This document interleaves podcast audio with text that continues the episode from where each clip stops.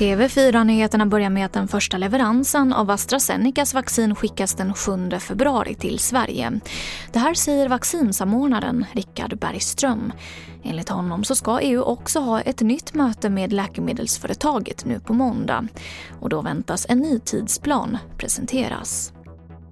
Intresset för att studera folkhälsovetenskap är rekordstort, rapporterar SR om.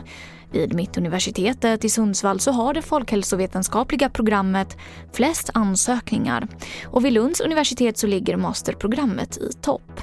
Och enligt programansvarig vid Mittuniversitetet så är en orsak till söktrycket att under ett antal år saknats utbildningar inom folkhälsovetenskap. Betaltjänsten Swish har tekniska problem. Idag rapporteras stora problem att swisha pengar. I appen så skriver de själva att de har en driftstörning. Till skillnad från igår då tjänsten låg helt nere.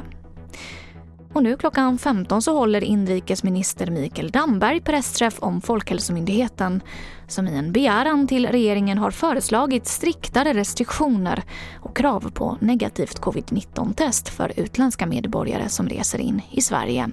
Se pressträffen just nu på tv4.se.